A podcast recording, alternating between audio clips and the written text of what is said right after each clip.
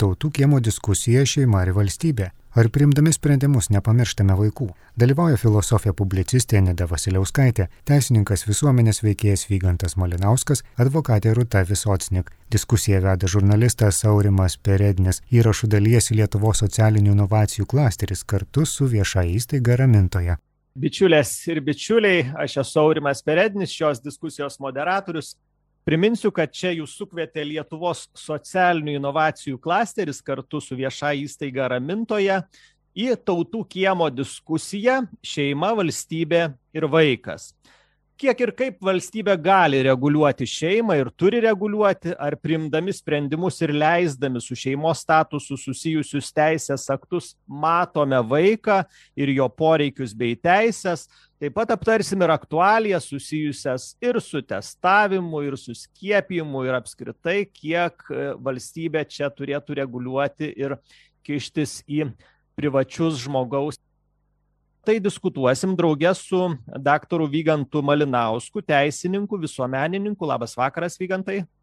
Su mumis taip pat daktarė Nida Vasiliauskaitė, filosofė, publicistė. Sveiki, Nida. Taip pat su mumis Rūta Visocnik, teisininkė, advokatė. Kągi ir pradžioje viena kita minutė tiesiog baziniam teiginiam, požiūriam, argumentam žmonių, kurie čia pakviesti pranešėjai, sakykim taip, ir e, paskui mes jau eisim į tą gyvą spontanišką diskusiją ir nusprendėm šiandien pradėti nuo Vyganto. Vygantai, jūsų kokios būtų kelios tezės mūsų diskusijai ir e, kokie tų tezių argumentai? Taip, pirmiausia, iš tikrųjų norėčiau gal pradėti nuo paties Aurimo išsakytos minties, kad mūsų valstybės tengiasi reguliuoti vis daugiau sričių. Ir Taip, tas e, netgi turi savo pavadinimą, tai yra toks pavadinimas teisėkuros infliacija. Gyvenam laikais, kai valstybė kūrė vis daugiau taisyklių, taisyklėlių, reglamentų, visokių aktų, įstatymų ir, ir tas daugėja eksponentiškai. Sakykime, dar prieš 50 metų įvairių įstatymų ir teisės aktų buvo gerokai mažiau, prieš 100 metų buvo dar mažiau. Ir čia toks yra paradoksas. Viena vertus, na, gyvenam tokiu įsivaizdavimu, kad bent jau mes taip įsivaizduojam, aišku, negyvenom tais laikais, bet įsivaizduojam, kad dabar yra geriau negu kad buvo anksčiau. Ir kad liktai valstybė suteikia žmonėms daugiau laisvės, bet kita vertus, jeigu pasižiūrėsime į, sakykime, tą teisinį reguliavimą, reglamentavimą, kiek yra institucijų priežiūros, kurios iš esmės nurodinėja žmogui, ką jis turi daryti arba nuo ko susilaikyti, nes čia pati yra teisės esmė, tai susidursime su tokiu fenomenu, kad iš tikrųjų dar žmonija niekad nebuvo taip reguliuojama ir reglamentuojama kaip mūsų laikais. Ir čia iš tikrųjų šitoj vietoj galime irgi vat, steptelti prie vaikų klausimo ar šeimos, kurį toliau plėtosim, tai pastarųjų, sakykime, nu, čia dešimtmečių tos tendencijos rodo, kad vis tik tai valstybė randa pretekstų vis labiau reguliuoti ir šeimos gyvenimą arba vis siaurinti tą E, šeimos gyvenimo erdvę. Ir šitoje vietoje na, kyla keletas problemų. Pirmiausiai, viena iš problemų yra ta, kad valstybė jinai bando vis labiau reguliuoti arba reglamentuoti šeimos gyvenimą, pasitelkdama turi rasti pateisinimą, negali tiesiog taip ateiti. Ir, ir aišku, tie tikslai labai dažnai būna susijęs su tam tikrais vat, mokslo pažanga, kad mokslas, sakykime, nustatė, kas yra vat, vaikui geriausia E, aišku, čia Nida galėtų daug daugiau šitus dalykus pakomentuoti, bent jau matau, kad jinai komentuoja e, socialiniuose tinkluose, bet iš tikrųjų mokslas yra toksai, kur mes puikiai žinom per mūsų gyvenimą, kiek kartų pasikeitė mokslo nuomonė, ką, koks yra sveikas maistas, ar ne, buvo kažkada sakydavo, kad reikia valgyti tą, paskui valgyti tą, na, tada vėl tą ir panašiai. Ir vaikai, aš manau, kad yra viena iš tų grupių, kuri labiausiai nukenčia nuo tokio tos valstybės, kuri nori pati viską už vaiką nuspręsti, kas jam yra geriau. Ir jinai e, pamiršta, kad yra tam tikrų dalykų, kurių jin pati negali vaikui duoti iš prigimties. Tiesiog, nu, jinai, jos prigimtyje nėra. Ir tie dalykai, kurie, kurių valstybė vaikui negali duoti, kaip taisyklė, yra dalykai, kurie vaikui gyvenimui teikia didžiausią džiaugsmą, didžiausią laimę. Ir dėja, vat, mūsų laikais, aš manau, mes vis dažniau susidurėm su tuo, kad valstybė iš mūsų nu, ir iš vaikų pradeda uh, atimti laimę arba mažinti laimę vedama geriausių ketinimų ir čia tas pasakymas, kad gerais norais pragaras grįstas, jis manau, manau kad mūsų laikais labai dažnai jis išsipildo. Kokia to priežastis, kaip Jums atrodo, jeigu na, Jūs manot, kad valstybės plaukuota didelė ranka vis labiau pradeda reguliuoti daugybę mūsų institutų, įskaitant šeimą, vaikus, e, kokia to priežastis? Klausimas geras ir iš tikrųjų neturiu tokio lengvo atsakymo šitoj vietoj, bet aš manau, kad yra na, ta tokia utopija, kad taisyklėmis galime sukurti idealų gyvenimą. Ir tas toks tikėjimas, kad jeigu mes viską labiau sureglamentuosime, tai liks mažiau problemų. Čia vat, vis prisimenu, kai iškildavo ir pats Aurimai turbūt irgi atsimeni, kaip koks skandalas valstybė iškyla, tai kokia reakcija valdininkų, reikia viską detaliau reglamentuoti, liktai bus daugiau taisyklių, žmonės tada liks protingiau ir geriau. Dėkui, ačiū Vygantui už jo intro. Rūta, leiskit jūs pakviesti įsijungti mūsų kol kas monologinę sesiją ir su savo išvalgom praturtinti ją, prašau. Gerai, tai aš negaliu sakyti, kad paoponuosiu, bet gal įnešiu tam tikrą aspektą kitai į, į tai, ką pasakė Vygantas. Gal pradėsiu nuo to, kuo pabaigė Vygantas. Jisai iš tikrųjų pasirodo esas idealistas, jam atrodo, kad valstybė hiperreguliaciją vykdo dėl to, kad tikisi pasiekti kažkokį tai, na, sakykime, teigiamą rezultatą, ne va tai kažką sureguliuoti, kažkokią problemą išspręsti, Aš manau, kad yra ne taip. Ji yra toksai inertinis procesas, kuris vyksta dėl to, kad kiekviena struktūra ji negali stovėti vietoje, nes, nu, kaip ji arba miršta, tai yra traukiasi ir galiausiai miršta, iš, išnyksta, ištirpsta, arba ji pučiasi, plečiasi. Ir ta hiperreguliacija, manau, kad didžiaja dalimi ji įvyksta dėl to ir kišimasis į privatų gyvenimą tame tarpe vyksta dėl to, kad valstybės aparatui reikia plėsti savo galias. Ir šiuo momentu plėtimas vyksta būtent asmens privataus gyvenimo ir šeimos gyvenimo sąskaita.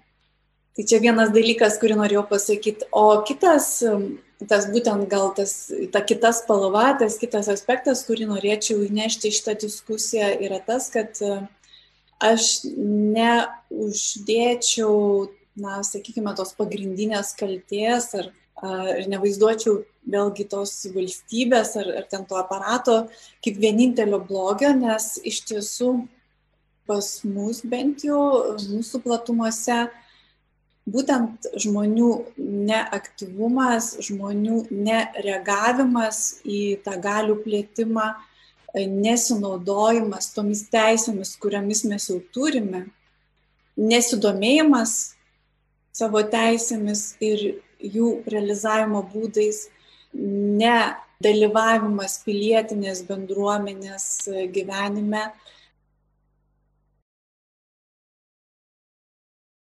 Galima na, pabūti tam tikrų velnio advokatu, kaip dabar sakoma, ir paieškoti argumentų, kurie pateisintų valstybės kišimas. Ir jeigu šiandien čia turėtume, pavyzdžiui, kokį nors policijos atstovą, įsivaizduokim, man tenka juos kalbinti ir jie taip pat pilna galva istorijų įvairiausių yra, jie atvažiuoja į vieną ar kitą įvykį, na ir e, turbūt gal tą situaciją matytume kitaip. Tai, na, iš to biurokrato taško, kur aš rūta sutinku, kad jeigu jis nieko neveikia, tai jis kažkaip ir nepateisina save, savo egzistencijos ir stagnuoja, tai jam reikia dirbti. Bet kita vertus, aš manau, kad labai gajus požiūris į visuomenę mūsų, kaip gana infantilę. Aš nesakau, kad taip yra, bet tikrai na visuomenė turbūt yra įvairi ir jūs tą patvirtinsit ir ir man taip atrodo yra tikrai žmonių labai aukštos brandos ir yra tikrai žmonių gana žemos brandos. Ir jeigu mes paimsim pavyzdžiais na gana tokių pavyzdžių kur turbūt visi sutiksim kad valstybė turėtų kištis. Tai vat kaip tokiais atvejais? Vis dėlto ar ne per daug mes demonizuodami valstybę išaukštinam visuomenę kaip super brandžią ir įgalią spręsti dėl to kaip ji nori gyventi? Visai čia galima galvoti. Iš tiesų, kaip ir užsiminėte, jeigu papasakotų kokius nors atvejus pareigūnai, policijos ar vaiko teisų atstovai. Aš pati galiu papasakoti, matau įvairiausių situacijų teismo procesuose. Tai žinoma, kad pradėtume linčio teismus organizuoti viešus kur nors aikštėse. Užtenka padirginti visuomenę tokiais įvykiais kaip Jurbarko byla ar panašiai ir pažiūrėkit, kas vyksta, kokia banga prasideda įvairiausių komentarų ir, ir keršto troškimo ir nepasitenkinimo teisėsaugą ir panašiai. Tai taip yra iš tiesų, tačiau kodėl taip yra, kodėl mes turime tokias situacijas, kodėl mes turime situacijas, kada tėvai uh, smurtauja prieš vaikus, kodėl mes turime situacijas, kai vaikai yra paliekami be priežiūros, kodėl mes turime situacijas, kada na, sakykime, švietimo, ūkdymo e, įstaigose yra tiesiog absoliučiai iškrypusiai sprendžiamos problemos, tai yra, na, sakykime, paaiškėjus, e, kad kažko tai vaikas yra nepatenkintas, galbūt tikrai, o galbūt galimai kažkokia situacija namie įvyko, nes vaikai yra visai neblogi manipuliatoriai tam tikrais atvejais Tai ką daro ugdymo įstaigos, užuot sprendusios savo vidų situaciją iš karto, kurį paskui labai sunku sustabdyti.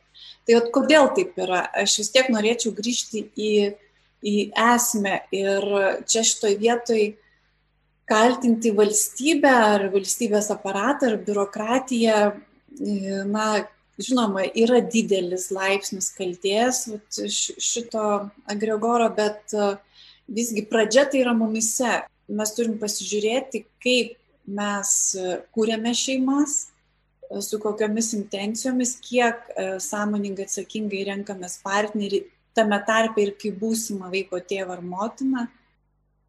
Pradėkim nuo to. Ir va čia mes tada pamatytume nesibaigiančią grandinę be pasikartojančių modelių, kurie veda prie dramų šeimininių, prie skirybų, prie smurto ir prie įvairiausių kitokių situacijų. Tame tarpe ir rezultate e, šeima tampa pakrikusi ir nepajėgi savęs apsiginti nuo biurokratinio spaudimo. Dėkui, Rūta. Ačiū Jums. Nida Vasiliauskaitė.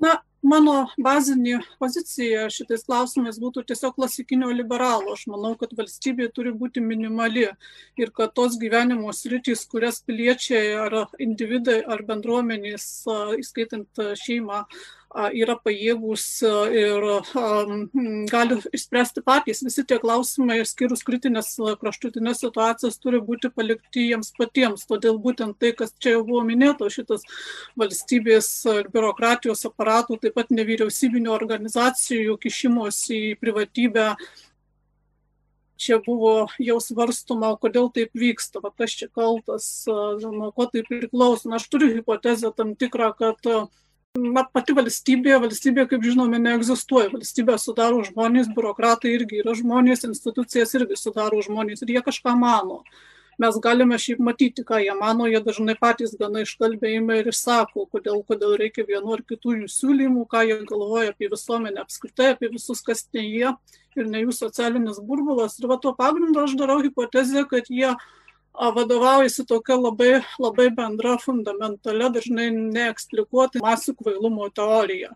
Na, teorija tai galim vadinti kabutėse, tai nėra kažkaip teoretizuota ar, ar kuo nors pagrįsta, tiesiog tai yra bazinė prielaida, kuria jie remiasi. Štai visi yra labai blogi, ta prasme, kad va, kas yra laisvė. Laisvė tuomet suvokiama kaip kažkas be maž negatyvaus. Aš tiesą sakant, dabar pirmą kartą, ko gero, galiu matyti viešai sakomas visiškai rimtai ir karštai ginamas pozicijas, kad laisvė yra blogai. Kažkaip augo pasaulyje, kur niekas nedrįso, įskaitant sovietinių laikų vaikystę, niekas nedrįso pasakyti, kad laisvė iš principo yra blogai. Dabar, dabar visai eilė žmonių iš principo blogai asmens laisvė yra, pavyzdžiui, kažkas subordinuotino bendrajam gėriui. Tada kyla klausimas, o koks turinys to bendro gėrio, jeigu jis priešinamas asmens laisvė ir jeigu asmens laisvė į jį neįeina ir kas tada balsavo už tą bendrą gėrį, jeigu štai du trečdaliai visuomenės, o gal ir jų visi sako, mums nereikia tokio bendro gėrio, bet štai ten biurokratas ir sako, mes tau parūpinsim bendrą gėrį tavo asmeninės laisvės sąskaitą, nors tu manai priešingai, nes jis, tas biurokratas jaučiasi specialisto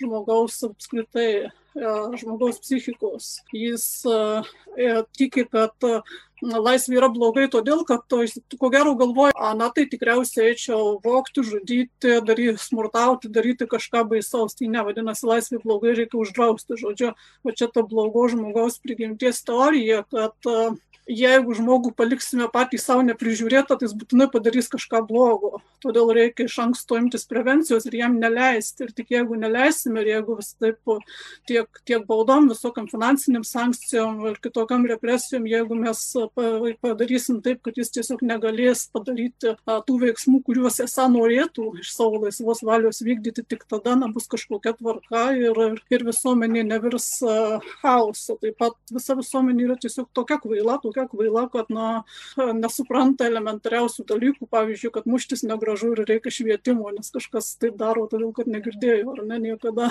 ir, ir panašiai. Tai klausimas turėtų būti ne kokia ta realiai visuomenė yra, bet nes visuomenė yra visokia, visuomenė sudaro patys įvairiausi žmonės ir jį kinta, tai nėra tokio daikto kaip visuomenė. Ne kokia jį yra, bet ką mes renkamės kaip tiesiog bazinę moralinę, filosofinę, politinę laikyseną, kaip, kaip su kuo mes elgiamės su žmonėmis. Ar mes elgiamės e, priešingai, jei priešingai, tai nebėra jokios demokratijos, nebėra jokios visuomenės, yra prižiūrima banda, nebėra piliečių ir nebėra politikos, yra tiesiog na, fermos ūkio administravimas, tada mes atsidūrėm tokioje situacijoje.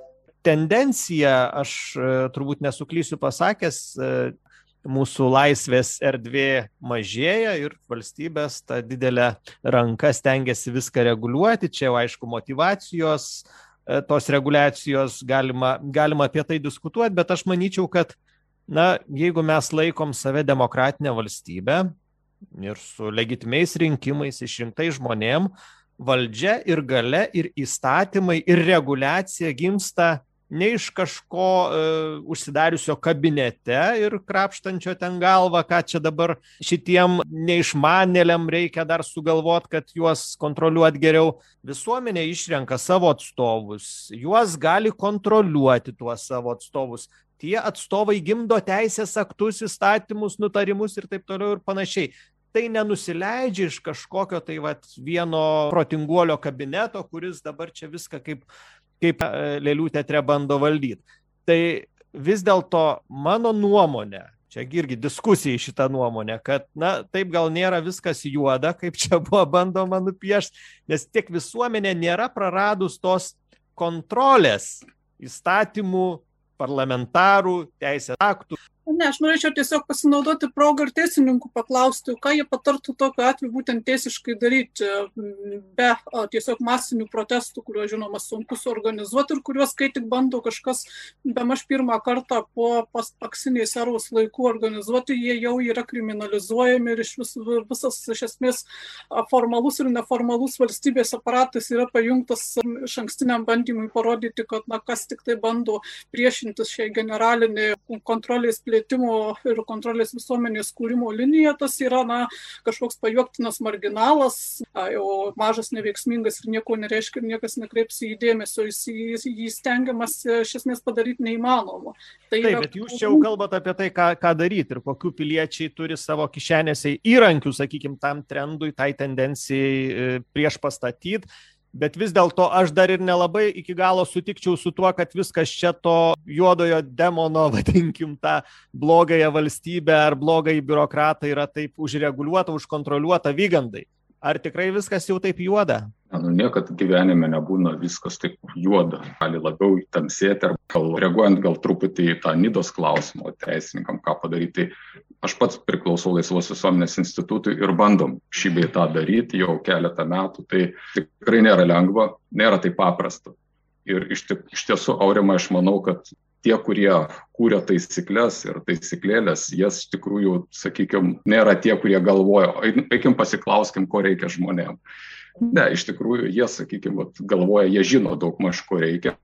Dar kita problema yra, kad dažnai jie mano, kad nu, vat, šita visuomenė arba ta masė, jinai yra dar nepribrendusi ir vat, jiem reikia sukurti taisyklę. Atstumas neišvengiamai didėja tarp, sakykime, vat, nu, žmonių ir, ir valdžios ir, ir nu, tu gali, kaip sako, per rinkimus, ar ne, vat, politikai tada kažkiek klauso, ką žmonės, ko žmonės tikisi ir taip toliau, bet vat baigėsi rinkimai ir, nu, vat irgi ta garsioji frazė mūsų premjerės, nu, tai jeigu nepatinka šitą valdžią, galėsite po keturių metų išsirinkti kitą, bet mes dabar šiuo atveju žinom, ką, ką reikia daryti. Tai, tai šitoj vietoj, manau, yra tai, bet kita vertus, aišku, ir čia būtų gera gal, nu, vat, reikia, aišku, ieškoti ir geros pusės, ar ne, kad vis tik tai juk ta valdžia ne, nesakė, kad žinot, mums laisvė, demokratija nerūpi, kad mes va, darysim taip, kaip norim. Jie vis tiek ar, turėdavo rasti kažkokį figos lapą, kur, va, sakykime, nu, pateisinti. Ir gali būti situacija, kai nu, tas jau figos lapas nebepadeda.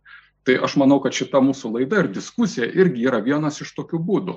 Demokratinė visuomenė arba demokratija veikia tik tuo atveju, jeigu yra visa ekosistema nėra tik tai, sakykime, vien tik tai kažkokie piliečių ten išrinkti atstovai, nėra vien tik partijos, e, bet yra taip pat na, visuomeninės grupės, diskusijos erdvės ir, ir visi kiti dalykai. Tai gali kai kuriais požiūriais, aš manau, kad jin yra laisvesnė negu tose labiau pažengusiose demokratijose.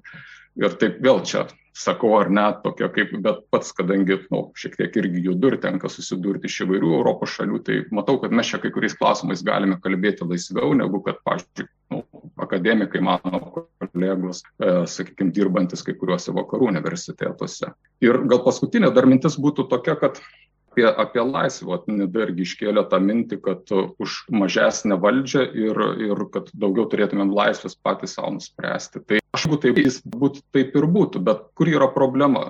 Kalbėjau su e, irgi pažįstamu verslininku, tai kalba prasidėjo nuo to, sako, žiūrėk, kaip gerai Lietuvoje būtų, jeigu nu, valdžia dereguliuotų verslą, paliktų verslui pačiam daryti taip, kaip jam atrodo geriau, tada iš karto nuot diskusija, bet klausyk, tada verslui atsirastų pagundas tą, aną, trečią, tu galiausiai nueisi parduotuvę, ten nusipirkęs kažkokią konservų dėžę, nežinosi, kas ten yra įdėta, nes nu, niekas nereguliuoja, neprižiūri verslo.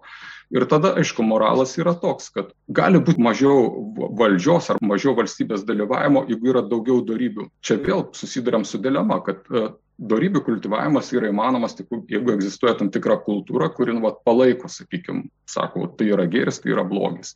Ir jinai, ta kultūra, jinai save ir kažkokiu būdu reguliuoja.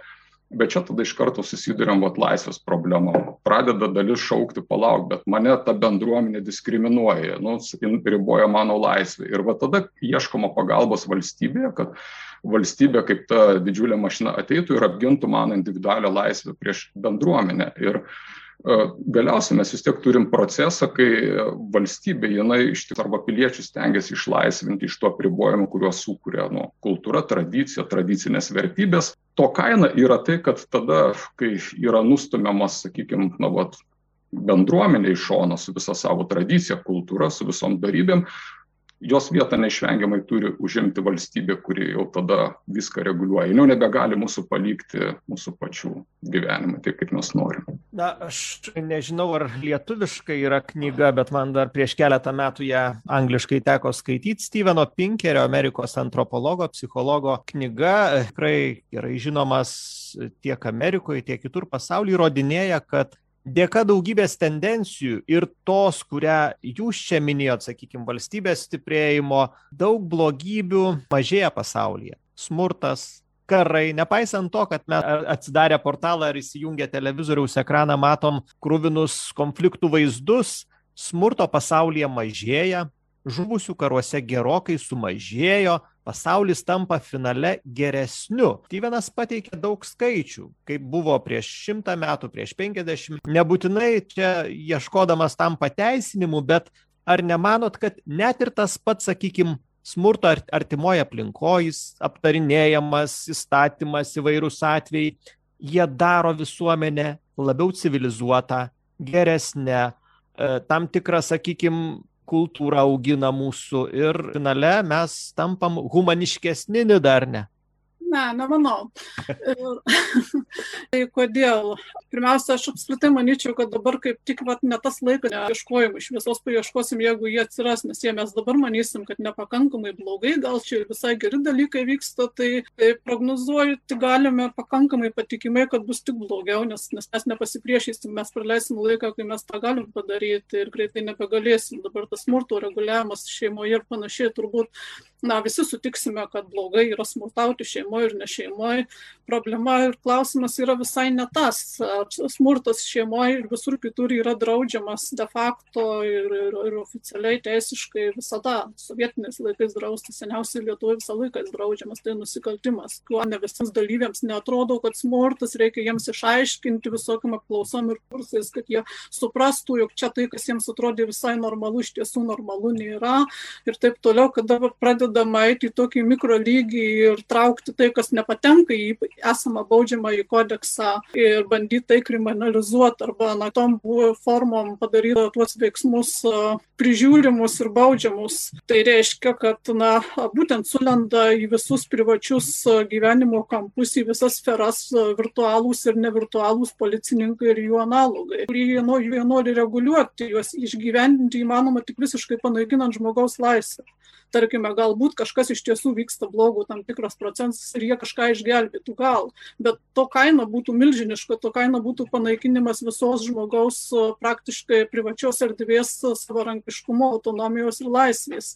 Tai to nepanaikinti ir ten nelysti yra kur kas didesnį politinį, asmeninį, socialinį, psichologinį vertybį negu ten lysti. Tai viena. Antra, to vis tiek nepanaikins, tik tai na, gal kažkokiu nykstamai mažu procentu pamažintų, išauginant kažką visai kitą, visi tie bandantys reguliuoti, sukuriant tą vadinamą matuko reformą. Jis reiškia, ką, kad ištraukiamas vienas baisus realus atvejis, tada, kuris ir šiaip pagal visus esamus įstatymus būtų kriminalinis nusikaltimas, tada jo pagrindu bandoma modeliuoti, kad visi žmonės iš principo potencialiai taip elgesi su savo vaikais ir reikia išplėsti va, tuos teisinius čiuptuvus, kad jie būtų prižiūrimi.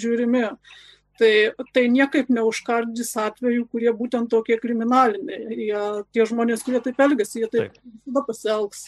Tarkime, žudikas žudo ne todėl, kad jis nežino, jog blogai žudyti, žudo nepaisant to o pateks realiai šitą, po šitas teisinės ir neteisinės. Na, pakalbėkime apie aktualijas, Rūt. Aišku, visi seka tą dabar visą tą COVID diskursą ir, ir vaikų grįžimą į mokyklas. Turėjom tikrai gana uh, sunkų, sakykim, taip tiesiai psichologiškai laikotarpį ir e, dabar štai kyla diskusija, pradinukai jau grįžo, abiturientai grįžo, penktų, vienuoliktų moksleiviai kai kur grįžta, bet e, diskusijos nervas e, kilo štai kurioj vietoj. Ar turėtų grįžę vaikai būti testuojami? Kiekvienas turi savo privatumą šiek tiek paukoti šitoj vietoj, vardan bendro gėrio, vardan visos klasės saugumo.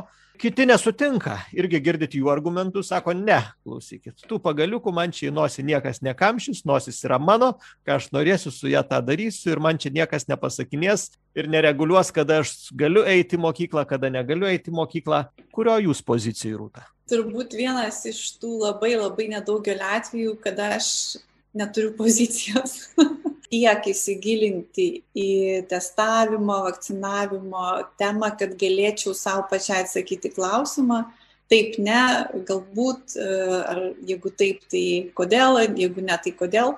Taip, bet ar jūs pateisintumėt šioj vietoj, bet labai konkreti situacija, vardan viešo bendro gėrio, viešo bendro saugumo, sakykime, tam tikrą paukojimą savo, kalbam apie sveikatą, kalbam tikrai apie labai svarbų privatumo elementą šioj vietoj jis pateisinamas ar ne? Žinot, kaip aš galvoju, aišku, čia reikėtų gal išklausyti tų tevelių, kurie turi tą baimę testavimo galiu tiktai iš, iš nuogirdų, komentarų kažkokių tokių nuotraukų vertinti situaciją, nes kaip teisininkė tikrai nesigilinau nei vieną konkrečią situaciją. O jeigu turėtumėt, mato, dabar aš turiu tris vaikus ir lygiai tą pačią dilemą turiu, tiesą sakant, pas mus šeimoje dėl to ginčių nebuvo. Kažkaip taip visi sutarėm, kad jeigu tokia tvarka, tokios taisyklės, mes joms paklūsim, vardan bendro gėrio, bendro, sakykime, klasės saugumo. Tai bet čia ir yra esmė, aš galvoju, kas dirgina žmonės, nes informacijos prieštaringos, informacijos nelogiškos, nepatikrintos, net ir iš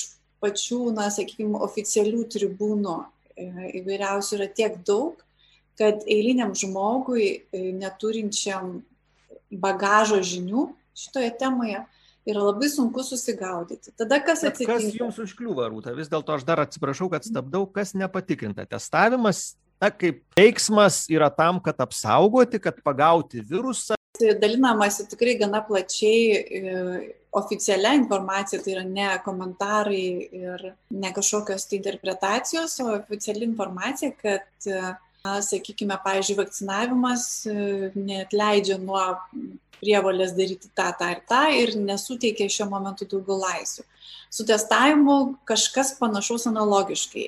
Tai aš manau, kad žmonės tiesiog nepasitikė šitą visą sistemą nemato daugelį veiksmų, sakykime, vyriausybės, nemato logikos. Žmonės yra per jau, mes jau turime daugiau kaip metus laiko šitą situaciją, jau yra tiek įdirginti ir įtempti riekiančių antraščių, kaip sakiau, prieštaringos informacijos, tai visas šitas gumulas, visas šitas kamolys lemia tai, kad žmonės pirmą nesuvokia, kas konkrečiai šiuo atveju yra tas bendras gėris, yra labai gražu pasakyti vardan kažkokio tai, kad, nežinau, virusas mažiau plistų, ar kad jį būtų ten lengviau suvaldyti, ar kad lengviau sirgtų žmonės.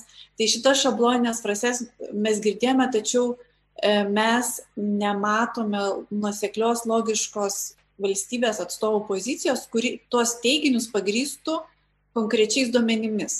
E, dėl to žmonės nebetiki jau tuo bendruoju gėriu, na, jeigu aišku žmogus yra iš principo labai pareigingas ir, ir nesigilina į, į visus tos niuansus, tiesiog jisai savo yra nutaręs, kad taip yra gerai vardant bendro gėrio, galbūt jisai ir prims visas šitas nustatytas sąlygas. Supratau. Tačiau aš, aš tiesiog iš kai kurių tėvelių komentarų, nes tikrai ne vienas kreipėsi su klausimais, bet aš, kaip sakiau, aš nesigilinau tą temą, bet aš supratau tiesiog, kad žmonės ne dėl to, kad iš principo nesutiktų kažką daryti vardan bendrojo gėrio, bet jie nesuvokia, kame čia tas bendrasis gėris.